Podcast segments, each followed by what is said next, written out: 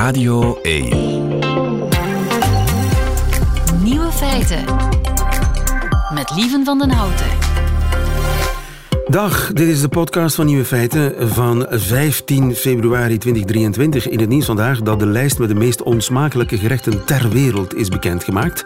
Dat is iets wat ieder jaar gebeurt door een culinair magazine Taste Atlas, heet het. Een soort van Bijkes Top 100. Mensen van over de hele wereld kunnen stemmen. En, grote verrassing, er staan Belgische gerechten op die Bijkeslijst. Op nummer 91 bijvoorbeeld, paling in het groen. Wie had dat gedacht? Of witlof in hesperolletjes op 13. Zo lekker. En op 7 de kalfskop. Mensen weten echt niet wat lekker is. Maar dan de top 3. Op 3 staat de pizza cake. Uit welk land die vandaan komt, geen idee. Het zijn drie pizza's op elkaar gestapeld en samen in een bakvorm gebakken tot een zompige hoop kaas, deeg en tomatensaus. Terecht op drie. Nummer twee is de indigirka. Uh, dat is een salade uit Rusland, gemaakt van diepgevroren vis, ajuin, zout en peper. Geserveerd in een kom gemaakt van ijs. Lekker. En het meest onsmakelijke gerecht ter wereld is de hakarl oftewel gefermenteerde haai.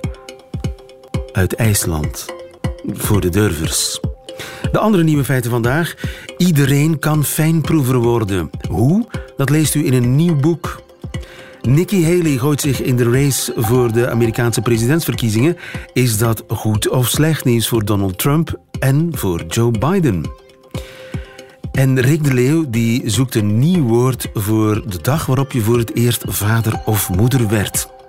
Heet van de naald, de Schotse premier Nicola Sturgeon neemt ontslag. Een eerste reactie hoort u van Lia van Beckhoven. En de nieuwe feiten van schrijfster Stella Bergsma, die krijgt u in haar middagjournaal. Veel plezier.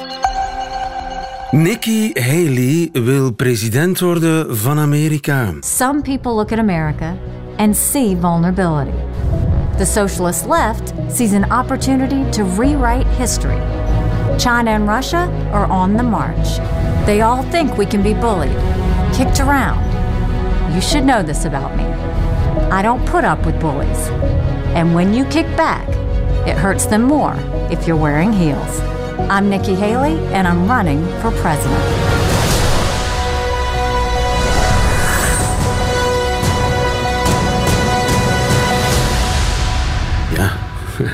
Nikki Haley, 51 jaar, uh, voormalig gouverneur van de conservatieve staat South Carolina, doet een gooi naar uh, de republikeinse nominatie voor de presidentsverkiezingen van uh, volgend jaar. Bert de Vroei, goedemiddag. Goedemiddag. Onze Amerika-kenner. Als je stampt, dan komt het harder aan als je high heels draagt. Ja. Dat is natuurlijk Nikki Haley ten top, hè? Ja, ze speelt hier haar vrouw zijn uit. Want laten we niet vergeten, we hebben al uh, meerdere vrouwelijke kandidaten zien passeren voor het presidentschap. De bekendste natuurlijk en die het verst geraakt is Hillary Clinton. Die stond op een zucht van het Witte Huis, maar heeft het dan ook niet gehaald. Uh, we wachten nog altijd op de eerste vrouwelijke presidenten. En ja, Nikki Haley denkt dat zij ook een kans maakt om, dat, uh, om, om die eer in de wacht te slepen. Zou je haar traditioneel conservatief kunnen noemen? Uh, traditioneel natuurlijk niet in die zin dat ze niet echt uh, traditioneel uh, Amerikaans is. eigenlijk haar naam, zoals ze geboren is, is Nimrata Singh Randhawa. En dan hoor je meteen dat zijn exotische klanken. Ze komt uit een Sikh-familie. Een familie van Indiaanse Sikhs die in Amerika, in South Carolina, geïmmigreerd zijn. Ze is daar uiteraard geboren, anders kon ze zich ook niet kandidaat stellen voor het presidentschap.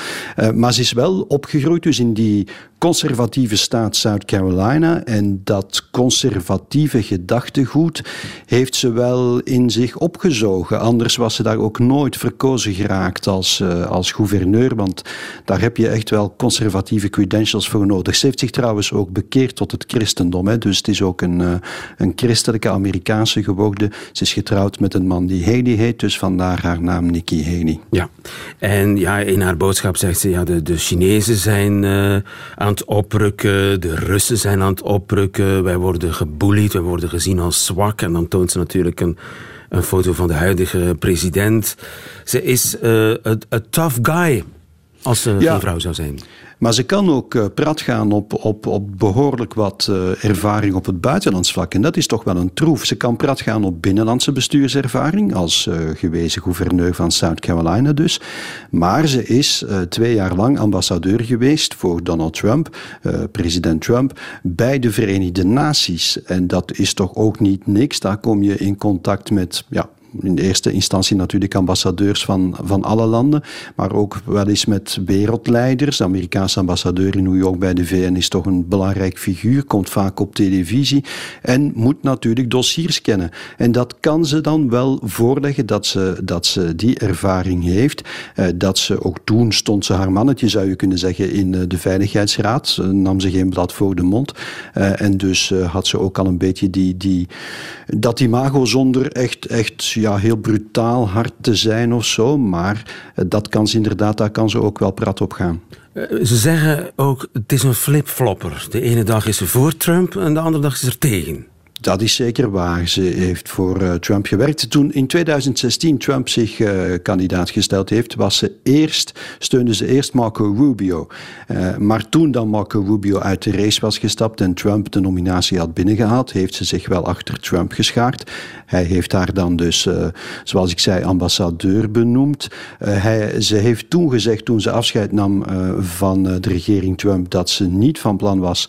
Want toen al werd ze in de gaten gehouden hè, als een potentiële presidentskandidaten, dat ze niet van plan was om uh, in 2020 zich kandidaat te stellen. Dat heeft ze ook niet gedaan.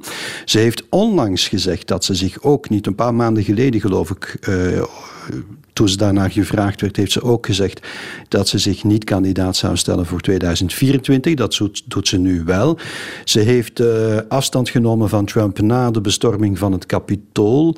Maar ze heeft zich altijd wel verzet tegen impeachment voor Trump. Dus ja, inderdaad, wat ze in Amerika noemen flipfloppen, voortdurend van idee veranderen, dat, daar is ze wel een toonbeeld van. Maar misschien is dat ook ja, dat kan in twee richtingen werken. Je kan in een debat altijd dat soort flipflops eh, voor de voeten geworpen krijgen, maar het kan ook een manier zijn om zowel uh, ja, bij de Trump-vleugel van de partij toch nog een beetje in de smaak te vallen. Kijk eens, ik heb toch voor hem gewerkt. Hij heeft me trouwens veel lof toegezwaaid. Doet hij trouwens nu nog.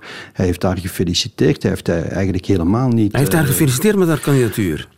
Wel gefeliciteerd. Hij heeft, eh, heeft daar eh, in elk geval, uh, ja, ik geloof, ik weet niet of het nu precies felicitaties waren, maar hij heeft heel goed gereageerd. Hij heeft helemaal niet bits gereageerd zoals je dat van hem zou kunnen verwachten, wat hij meestal doet tegen rivalen. Ja, dus hij blijft eigenlijk ja. een beetje haar, haar steunen en haar, hij, hij wijst haar succes. Ja, zo was het. Ja, dus felicitaties inderdaad. Um, maar is haar kandidatuur dan goed nieuws voor Trump? Wel, dat hangt er nog maar vanaf natuurlijk. Er wordt vaak gezegd dat uh, Trump vooral moet vrezen van Ron DeSantis. Dus dat is die uh, gouverneur van Florida. Dat is een soort Trumpist zonder Trump te zijn. Die heel erg aanleunt bij de ideeën van Trump, maar niet bij zijn stijl. Uh, zijn bestuurstijl zou je kunnen zeggen, maar wel zijn ideeën. en dan wordt er vaak gezegd hoe meer kandidaten het in die voorverkiezingen bij de Republikeinen tegen Trump zullen opnemen, hoe beter het voor hem is. Ik weet dat ook niet zeker of dat altijd zo is, want die primaries, uh, lieven, die voorverkiezingen, je weet dat is de ene staat na de andere, dat duurt maandenlang. En dat heeft een heel eigen dynamiek en vaak ja. degenen die het in die eerste staten goed doen, en South Carolina is een van de eerste staten waar zo'n primary zal zijn, degenen die het daar goed doen, die worden eigenlijk gelanceerd, die trekken nieuwe sponsors, geldschieters aan en die kunnen het soms verschoppen, maar ook niet altijd. Uh, dus ja, het feit dat er meerdere kandidaten het opnemen tegen Trump en dat hij daar, dat die dan de anti-Trump stemmen zou je kunnen zeggen, of de niet-Trump stemmen zouden verdelen en dat Trump dan gewonnen spel heeft. Zo simpel ligt het ook niet altijd. Maar uh, dat ligt wel een beetje voor de hand. Ik bedoel, Trump heeft zijn vaste aanhang. Als de anti-Trumpers, die eigenlijk in de meerderheid zijn, zich verdelen over de Santos en uh, de, de nieuwe kandidaat, Haley, ja, dan heeft Trump de nominatie binnen. Ja, het zou kunnen, maar het hangt er ook vanaf. Het zou ook wel eens kunnen, maar nu zitten we echt wel te speculeren. En ja, de verkiezingen zijn nog, de, de echte verkiezingen zijn nog anderhalf jaar ver weg. Hè? En mm -hmm. de voorverkiezingen beginnen over een jaar of zullen over een jaar bezig zijn.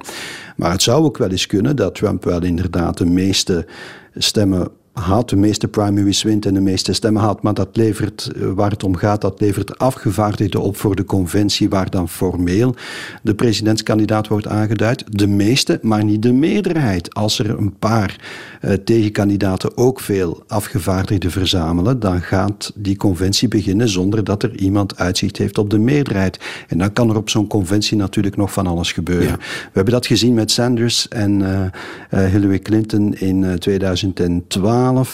Maar goed, dat zijn allemaal nogal spectaculaire scenario's. Uh, het, het, het, het, zou kunnen dat Trump uh, inderdaad gebaat is bij meerdere kandidaten. Maar die zelf, los van die mathematische speculaties, zou wel iemand kunnen zijn die zowel conservatieve republikeinen die misschien voor Trump gekozen hebben, maar zijn stijl niet meer goed vinden, uh, die, die die mensen kan aantrekken. dus hij is niet geheel kansloos om zelf die nominatie binnen te slepen? Ach, het is heel erg vroeg en uh, je moet heel erg uitkijken. Ik denk niet dat ze volledig kansloos is. Het feit dat ze in de peilingen nu heel laag scoort, dat is alleen maar, denk ik, omdat mensen haar nog niet kennen. Maar ze gaat nu als eerste de, de baan op. Ze gaat als eerste naar de eerste staten. Het begint al meteen deze week de campagne te voeren in Iowa en New Hampshire, de eerste staten waar de voorverkiezingen zullen plaatsvinden. Over een jaar nogmaals, maar ze begint eraan. Uh, en dat is van belang. Daar de mensen de kiezers leren kennen, zodat je daar wint en dan ben je gelanceerd. Ja, want vele mensen eh, ja, die, die zijn er al zeker van dat Trump die nominatie binnenhaalt en dat dat eigenlijk positief is voor Biden. Want als het weer Biden versus Trump wordt, dan maakt Biden de grootste kans. Ja, en dan heb je nog scenario's waarbij als Trump de nominatie binnenhaalt, Liz Cheney, hè, weet je nog, ja. uh, die republikeinse die, uh, die absoluut niet van Trump wil weten, die speelt met het idee om dan zelf ook kandidaat te zijn, gewoon om republikeinse stemmen weg te halen van Trump, omdat ze absoluut uh, Trump geen kans wil gunnen om nog eens, zodat dus bij de echte verkiezingen in november de, de, de republikeinse stemmen verdeeld raken. of omgekeerd, stel dat Trump de nominatie niet binnenhaalt, dan bestaat de kans dat hij ook zelf weer uh, met een ja. eigen partij okay. opkomt. Dus er kan nog van alles gebeuren. Het wordt een spannende race volgend jaar dus pas, de presidentsverkiezingen. Maar het speculeren is begonnen. Absoluut. Da dankjewel. En, en, Nick Haley, en Nikki Haley heeft zich in de strijd geworpen. Dankjewel. Bert de Vroei, goedemiddag. Radio 1. Nieuwe feiten. Even tussendoor een dienstmededeling. Ik ga straks proefles krijgen, les in proeven van een oh. professional. En iedereen kan meedoen, u kunt ook meedoen. Het enige wat u nodig heeft, heeft en misschien heeft u dat ergens in een kast liggen, zoek dat dan alvast. Uh, chocolade van 70% hebben we nodig. Chocolade van 70% voor de proefles, zo dadelijk met uh, Joël, die een boek geschreven heeft over uh, proefles. Maar eerst natuurlijk... Het ontbreekwoord. Rick de Leeuw gaat op zoek naar woorden die in onze taal helaas nog niet bestaan. Wij zullen een uh, woord geboren laten worden. Wij voelen ons vroedvrouwen. En we zijn met z'n drie.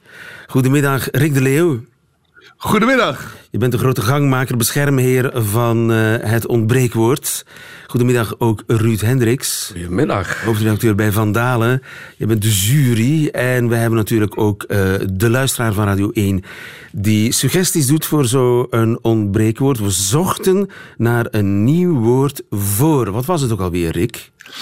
We zochten de voorbije week een nieuw woord voor de dag waarop je vader of moeder wordt. Voor de dag waarop het ouderschap zich voor altijd en definitief in je leven nestelt. Een belangrijke césuur in je leven. Absoluut. En lijkt mij een moeilijke opdracht. Is er veel binnengekomen? Ja, en de suggesties van de luisteraars vielen grofweg te verdelen in twee categorieën. Zij die enthousiast het nieuwe leven verwelkomen en zij die komen met voorstellen als voorbij met de rustdag. Nooit meer terugdag. Insomniaardag. Zorgeloze leventje voorbij dag. Welkom bij de club. Dag kortom, dag. Vrijheid, zoals luisteraar. Voorbijdag, als het ware. Verwoorden, ja. ja. Dag, jeugddag, zoiets. Die, die categorie dus. Ja. De dag waarop je nakomelingen hebt, is de dag dat je leven verandert. Maar hoe noem je die dag? Ja, de top 7 ziet er daarentegen gelukkig iets wat zonniger uit. Zal ik daarmee beginnen? Juist, ja. Reinoud Wijma komt met aanhankelijkheidsdag. Ah, dat vind ik wel leuk. Onafhankelijkheidsdag, aanhankelijkheidsdag. Het is mijn Ja. aanhankelijkheidsdag Ja. vandaag. Ja, ja, maar ik vind het niet precies genoeg. Het is niet. Je moet het wel uitleggen. Ja, Je moet het- dus hè, je- je- als je het woord aanhankelijk, ja, je denkt daar meteen ja, een, een aanhankelijk kind en zo. Dat, maar ja, daarna zul je maar ruzie krijgen met je kind. Hè. Niet slecht, Reinoud, maar niet precies genoeg. Voilà. Ja. Oordeel van de jury. Pim Kops misschien komt met Neststartdag. Neststartdag. Ik weet waar die de inspiratie heeft gehaald. Oh ja? Bij de Nesties. Bij de Nesties. Dat was een ander ontbreekwoord. Ja, voor eh, je broers en zussen. Hè? Dus De siblings, Je, het je, je Nederlands siblings, je nesties. voor siblings, Dat is de, dag, nesties. de neststartdag. Nestartdag. Ik vind het een beetje een tongbreker. Ja, Nestartdag. ja, ja, Nestardag. Nestartdag. Dat is maar slissen. We houden hem nog even in beraad. Ja. Je hebt wel de rest van je leven om erop te oefenen natuurlijk. Ja. Ja. Eh, Leentje van Hoorde komt met Bakerdag. Oh, Vind ik mooi. dat is Mooi hè? Bakerdag. Met, met, met zo'n heerlijk ouderwetse woord. Baker. Wat, wat is een baker? Een baker, eh, dat was een vrouw die voor de kinderen moest zorgen. En eh, dus het, het woord komt, dus het werkwoord bakeren. eh, dat is eigenlijk een, een pasgeboren kind bij een, een warmtebron houden en in dekentjes wikkelen, zodat het warm bleef. Dat is bakeren. Maar ik heb de associatie oermoeder bij. De baker. Oh, dat kan ook. De bakermat. de bakermat, maar dat is hetzelfde woord. Hè? Dus, Ja. Oh, maar dit is een mooie. Bakerdag. Bakerdag. De dag dat je, voor, dat je voor een kindje begint te zorgen, eigenlijk. Oké, Leentje. Mooi, hè? Zou hè? ze van Mooi, ver moeten mooi. komen om dat nog te kloppen. Moeten we de rest ook nog horen? Hoeveel hebben we Eh, nog? Dian, Ja, Dian. oh, sorry. Dian Broekhoven komt met Onvoorwaardelijkheidsdag. Ja, ja, ja onvoor, Maar ook beetje weinig specifiek, ja, hè? Onvoorwaardelijkheidsdag. En, ja. eh, en een behoorlijk lang woord ook, zegt Ja, de ja, technicus ja, hier. Next. Ja, dus, ja. Sorry, Dian. Miet, nee, ja, Miet Feitons met prachtig Spruitjesdag. ja, maar... Spruitjesdag. Ja, maar veggie-dag. Dus Dikke dat- dat truidag, dat- dat spruitjesdag. zit- Ja, dat dat is de dag waarop je spruitjes eet. Ja, dat zit een beetje in de, in Ja. de weg bij mij. Dus het, maar natuurlijk, het, je, je eerste spruit wordt geboren. Ik begrijp het helemaal. Maar spruitjesdag, ik denk dat de meeste mensen toch aan eten gaan denken en vooral boah. Ja, nu hebben ze alle zeven gehad, hè? Je top zeven hebben gehad, hè? Of hebben we er nog? Nee, nee, nee, nee, nee, nee, nee, Oh. nee, nee, nee, nee, nee, nee, nee. Ik denk dat we er nummer vier of Oei, vijf oh, hebben gehad. Ja. Ja, Oké, sorry. ja het is een eh, rijke, rijke oogst dit keer. Eh, Guido van der Wiel komt met Ouderlauwerdag. Ouderlauwerdag. Ook weer zo. Lauweren? Stam, ja, Lauweren zo- als iets waar je op rust? Ouder... Ja, Ik Begrijp of- jij hem, Rick? Ja, iemand wordt gekroond, hè? Als Ja, je- ja, ja, je, je wordt gelauwerd. wordt. Je wordt Je gelauwerd wordt als als ouderlauwerdag. Ouderlauwerdag. Ja. Ik vind de klank prachtig. Ja, de klank wel. Maar ja, het, is, eh, het is ook weer zo weinig doorzichtig. Hè? Dat, eh, maar goed, ja. Ja, maar het is, het is wel iets wat je vanaf dan elk jaar kan doen. Het lauweren van, van de ouders ouders. kan je ja, een jaarlijkse gewoonte van maken. Ja. ja. Maar dan wordt het zoiets als vaderdag en moederdag gecombineerd. Ja, oké. Ja, ja. Oké, En, Oké, Ja. nog eentje dan. ik, voel, ik voel de moeite. Eh, Bert Anselin, of Anselin, komt met Verbindingsdag. Ja, ook vaag, hè? Nee, Lijkt me een uitvindsel van een politieke partij. partij. Verbindingsdag. Ja, ik zou In iets anders zeggen, maar eh, ik ga het even voor mezelf Ja. houden. Dat is dodelijk, dat is dodelijk, eh, lieve. Nee, tegenwoordig moeten we toch allemaal verbinden. Hè? Dus, eh, Verbind- Verbindingsdag. Het is Ja. elke dag verbindingsdag, toch? ja, het is elke dag verbindingsdag. Goed, ik denk eerlijk gezegd, misschien ben ik al te voorvarend, dat de keuze vandaag makkelijker is dan ooit. Ruud, ben je het Ja, eens? zeker, zeker. Ik kies met heel mijn hart voor de Bakerdag. van Leentje van Hoorde. Van Leentje. Leentje van Hoorde vond het prachtige woord bakerdag uit. En dat zetten we met heel veel plezier op onze steeds groeiendere, steeds langer wordende eh, lijst met ontbreekwoorden. Goed, eh, dan hebben wij een nieuwe opdracht nodig voor de luisteraar van Radio 1, Rick. Ehm, dit wordt een, een licht persoonlijk verhaal. Ehm, omdat Oei. het gisteren Valent... Ja, ja, ja, dat gebeurt. Omdat het gisteren Valentijnsdag was en ik af en toe een goede indruk wil maken, kocht ik een cadeautje voor mijn vriendin. Twee tickets voor de film The Banshees of Inisherin. Dat schijnt een geweldige film te zijn. De eerlijkheid gebiedt mij te zeggen dat ik die tickets eigenlijk ook kocht omdat ik die film zelf graag wil zien. Ja, ja. Ja, ik bedoel, het is nog net niet zo dat ik een kist bier, een stel vrienden en een avond voetbal op tv voor haar heb gekocht. Maar het voorbeeld lijkt me duidelijk genoeg. Hoe noemen we een cadeau voor een ander waarbij ook het eigen plezier, het eigen belang niet echt uit het oog verloren wordt? ja. Ja. Nu is The Banshees of Inisherin wel een gigantisch goede film. Hè? Ik denk niet dat je... Dat, dat, dat- dat is een film... Ja, dat is echt een cadeau voor iedereen. Maar goed, eh, ik Het begrijp wat je idee bedoelt. blijft overeind. Het idee blijft over. Prachtig idee, hè? Want het, Ja. het komt voor, hè? Doe jij dat ook soms? Eh, het gebeurt wel eens. Ik doe nee, het- maar het, ik gebeurt, doe- het gebeurt eerder dat we, dat we samen beslissen, laten we iets kopen voor ons allebei. Ik doe het gewoon openlijk. Ah, oké. Ik, ik, ik zeg gewoon openlijk, ik heb voor mij iets fantastisch gekocht voor jouw verjaardag. Voor jou. Dus voor mij, Die zoeken we, die Ik, zoeken ik, ga, we. ik ga het ook eens proberen. Maar, eh, dat woord eh, zoeken wij dus. Mensen die daar eh, ideeën voor hebben, laat uw creativiteit werken. En uw vruchten van al die creatieve arbeid, die zijn welkom via de Radio 1 app. Nu al veel dank. Een cadeau dat je eigenlijk voor jezelf hebt gekocht aan je vriendin geven. Hoe heet zo'n cadeau? Radio 1 app, dat is de plaats waar u uw idee kunt droppen. Nieuwe feiten. Heeft u toevallig chocolade van 70% bij de hand? Dat zal van pas komen eh, straks, nu. Want we krijgen proefles van Joël Broekaert. Goedemiddag, Joël. Een goedemiddag. Je bent culinair journalist, beroepsproever en auteur van een gloednieuw boek. Dat heet Proefles. Eh, een boek Yes. dat de lezer wil leren proeven. En Ja. ik die dacht dat ik dat al kon. Ja, dat klopt ook. Iedereen kan het Dat eigenlijk is, al. ja, eigenlijk kan, dat is het, dat is het mooie van, van wat ik probeer te doen met dat boek. Ik zeg, ik ga je leren proeven, maar mijn grootste geluk in het leven is, je kunt het al.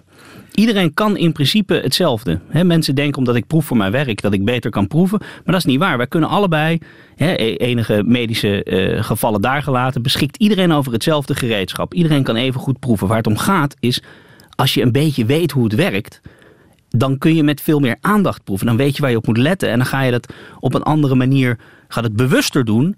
En dan ga je van de een op de andere dag opeens veel beter proeven. Oké, maar ik dacht dat jij scherper afgestelde, gevoeliger eh, smaakpapillen had dan ik.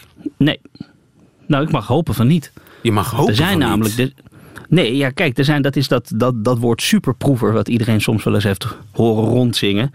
Ehm, en dan denken ze dat dat zijn mensen die heel goed kunnen proeven. Maar er zijn dus mensen die, die hebben meer smaakpapillen in hun mond.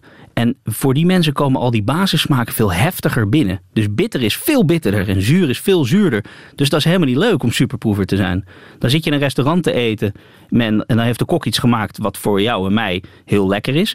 Maar dat vind jij dan veel te bitter misschien wel. Zo ze- heb je ook non-proevers, mensen die, die, waarvoor het veel minder intens binnenkomt. Maar ja, dan kun je altijd nog wat zout toevoegen of wat Juist, suiker ja. toevoegen.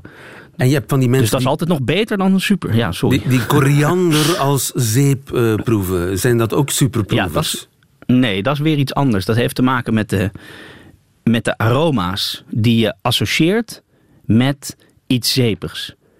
En dan komen we op, op, gelijk op een van de belangrijkste punten van het proeven, en in het boek ook, namelijk het verschil tussen basissmaken en aroma's. Oké, En ik noteer. Want het verschil je- tussen basissmaken en aroma's. Dus Exact. basissmaken In- die zitten, ja. die zitten in mijn mond. Hè? Dat zijn die papillen. Exact. Exact. De basissmaken, die, die, dat zijn zoet, zuur, zout, bitter en umami. Dat zijn er vijf, dat zijn er niet meer. Dat is wat je proeft met je smaakpapillen in je mond.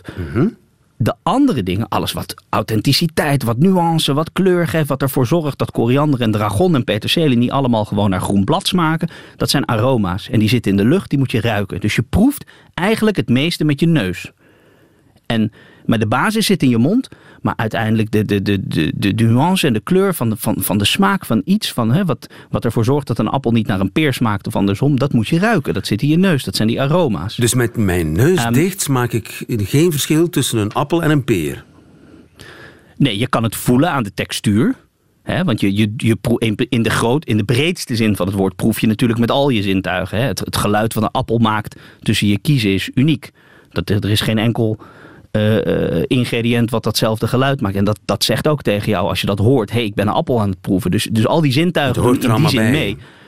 Maar de smaak, als we het hebben over de smaak van iets, bestaat altijd uit basissmaken en aroma's. Ja, en en die je kan niet als jij tot poeder gemalen kaneel een kruidnagel, als jij je neus dicht houdt, is het onmogelijk om het verschil te proeven. Het lijkt net, het, in allebei de gevallen lijkt net of je stof in je mond hebt. Oké. En als het goed is, heb jij voor je een klein skitteltje liggen of iets? Of Ja, ja ik, heb ski- ik heb skittles. Ik, ik, ja.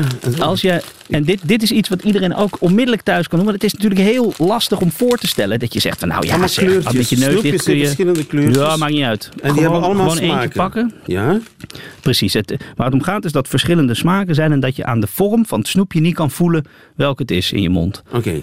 Dus als, ik zeg dan altijd tegen mensen, als je je neus dicht houdt kun je het verschil tussen citroensap en azijn niet proeven. Dat is allebei alleen maar zuur in je mond. Dat is heel moeilijk voor te stellen. En dan doe ik Ik dit kan nu een- als jij nu je neus, Ik heb nu een neus oranje... dicht houdt. Oh, oh, sorry. Oh, Nee, oranje je bent, snap heb je hem al in je mond? Ja. Je hebt hem al in je mond. Of Oh. heb je je neus dicht? Oh, neus dicht, ja.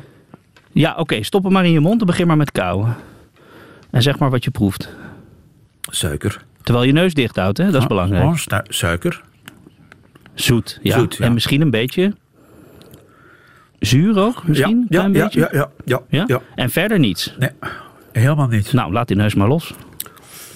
Oh, wauw. Inderdaad. Sinaasappel.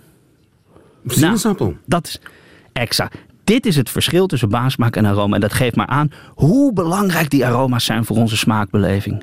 Ja, Ruiken, ruiken, ruiken. heerlijk. Nou, dat, is, is- ja, van, dat is echt een eye-opener. Nu, je had het over die basissmaken. Umami. hè? Zoet, zout, Mhm. Ja. eh, b- zuur, bitter en umami. Hoe smaakt umami? Ja, dat is lastig, hè? Dat is iets wat iedereen op de hele wereld proeft.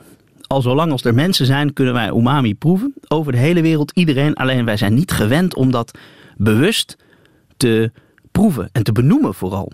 Ja, in, in, in, in, het is een Japans woord, omdat de Japanners al al honderd jaar roepen dat er iets is in vijfde smaak. Het is, niet, het is ook niet zo dat dat nooit ergens anders op de wereld onderkend is. Je hebt de, de Franse keukenwetenschapper uit begin eh 19e eeuw, eh, Jean-Antelme Briat-Savarin, die ook al schreef over osmazoom. Dat was een, een, een, een ongrijpbare bouillonachtige, vlezige smaak die je in bouillons terug kon vinden.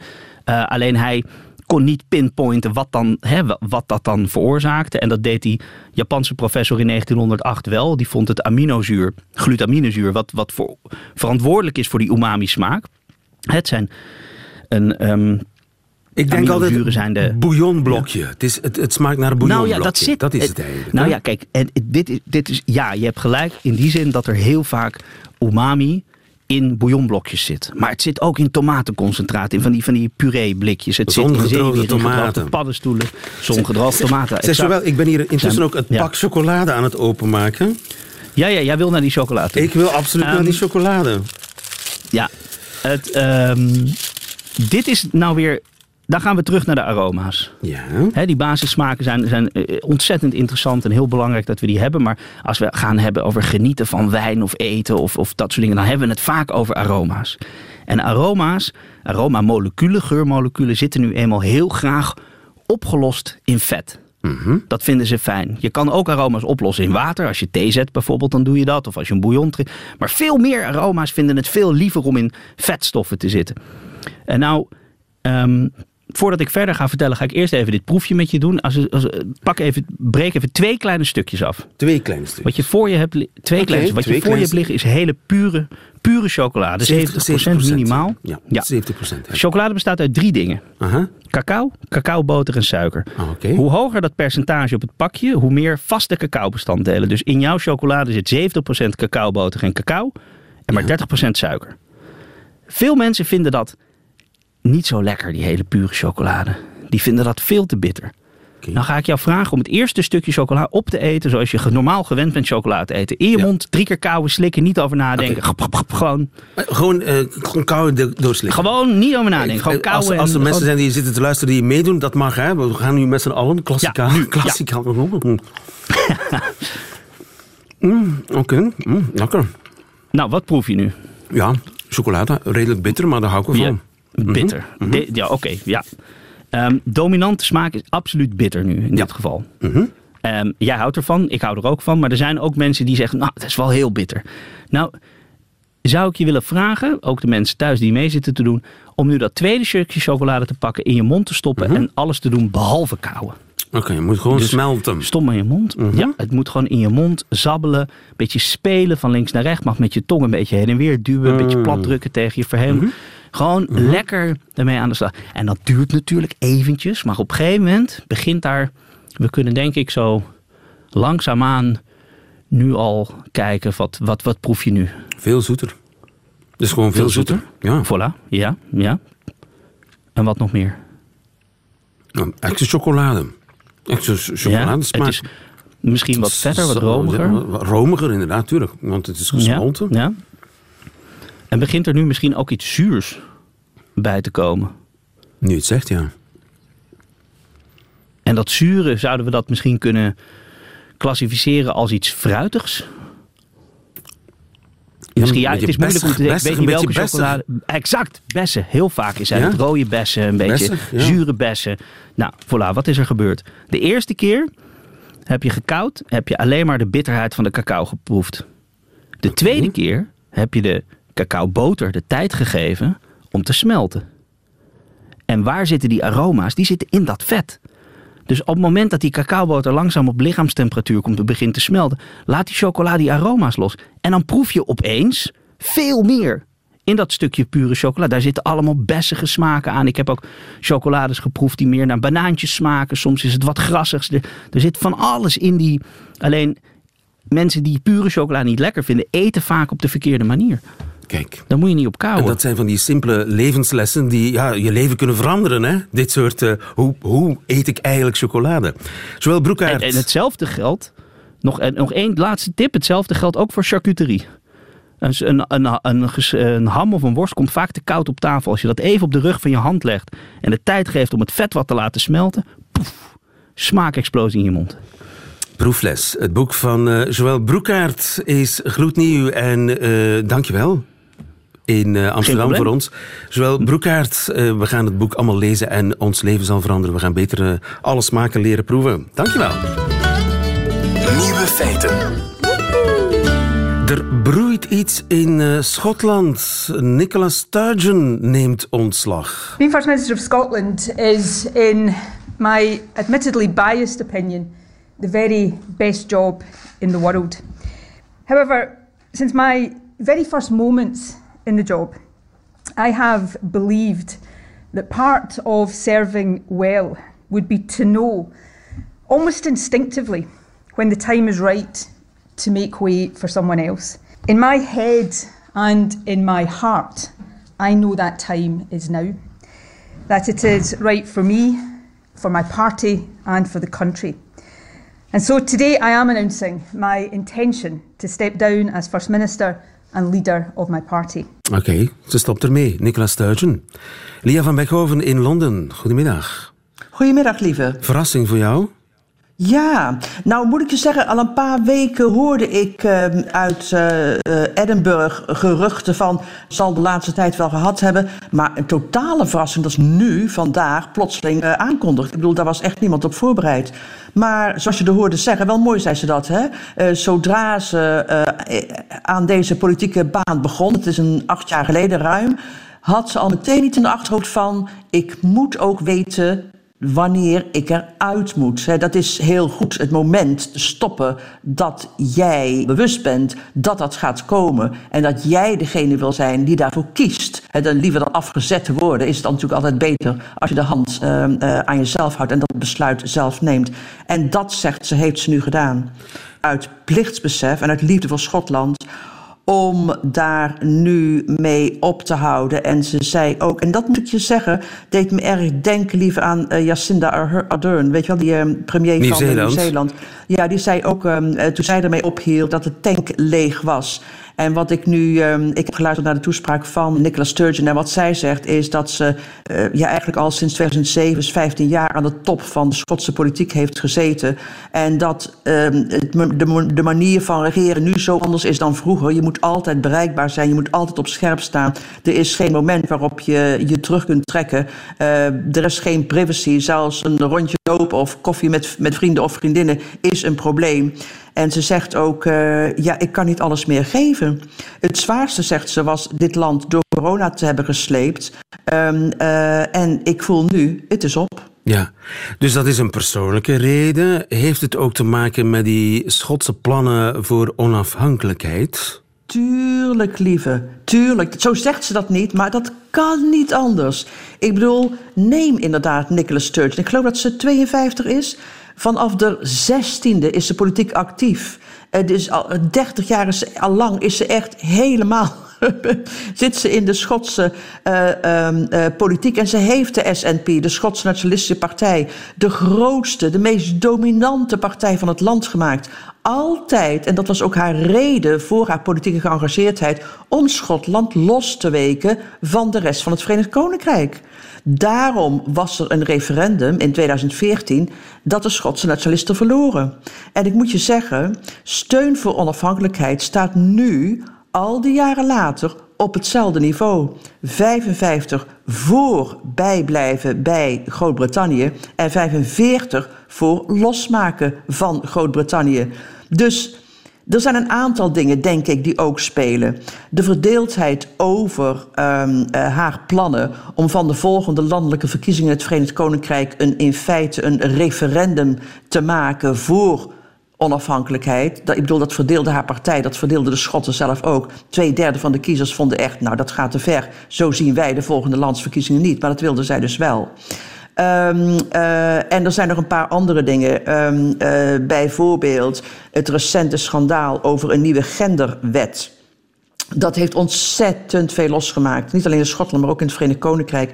En daar stond zij erg voor, ja. voor die nieuwe wet. Het is een losse uh, genderwet, uh, die veel losser dan in Londen. Absoluut. Waarbij iedereen vanaf 16 van gender kan veranderen door een uh, certificaat aan te vragen. Zonder medische diagnose, zonder twee jaar in die andere uh, gender geleefd te hebben.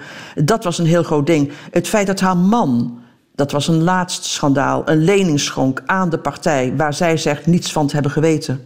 Dat speelde ook mee. Nogmaals, haar partij is verdeeld. Ja. Uh, voor het eerst ook zeggen de peilingen dat zij niet langer populair is. Maar vooral dus het feit dat die hele onafhankelijkheidskwestie... de reden voor haar politieke raison d'être, zo je wil, vastzit. Dat zit vast en ze gooit eigenlijk de handdoek in de ring. Want het zal toch niet lukken, I'm off. Nou, ze zegt het natuurlijk niet. Uh, ze zegt over overtuigd te zijn dat haar opvolger uh, die onafhankelijkheidskwestie uh, gedaan krijgt en Schotland naar een nieuw zelfstandig Europees land zal leiden. Dan natuurlijk zeg je dat als leider van de Schotse Nationalistische Partij. Maar ik denk dat vooral de Labour-partij blij is dat zij is vertrokken. Lia van Beckhoven in Londen, dankjewel voor deze eerste reactie op het ontslag van Nicola Sturgeon in Schotland. Goedemiddag. Nieuwe feiten. Radio 1. En voilà, dat waren ze. 15 februari, de nieuwe feiten. Nog nieuwe feiten, de laatste van deze uitzending, komen van Stella Bergsma, de schrijfster in haar middagjournaal. Nieuwe feiten. Middagjournaal.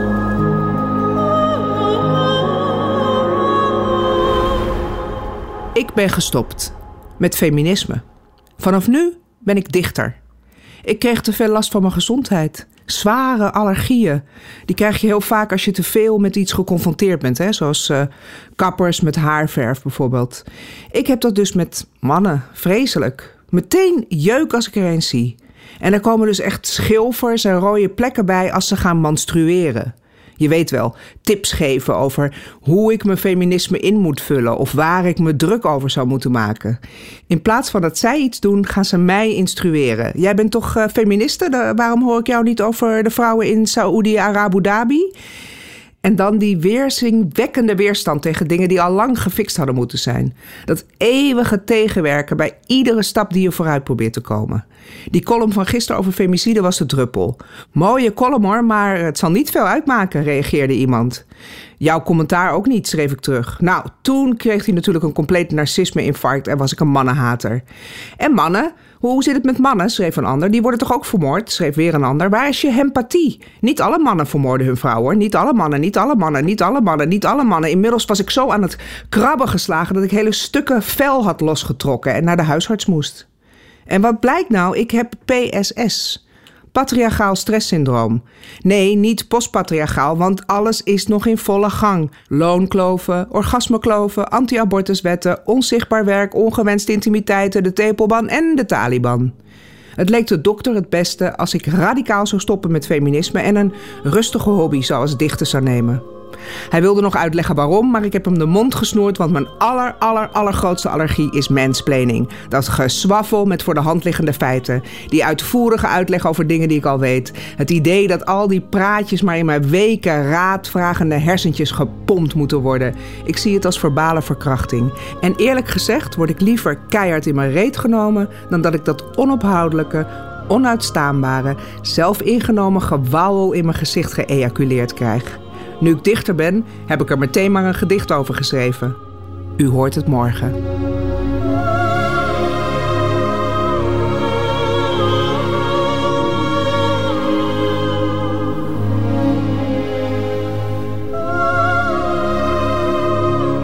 Ik kan nauwelijks wachten. Stella Bergsma in het middagjournaal. Einde van deze podcast. Doet u liever de volledige uitzending met de muziek erbij? Dat kan natuurlijk on demand via de app van Radio 1 of de website van Radio 1. En live kan het natuurlijk ook elke werkdag tussen 12 en 1 via Radio 1. Tot een volgende keer.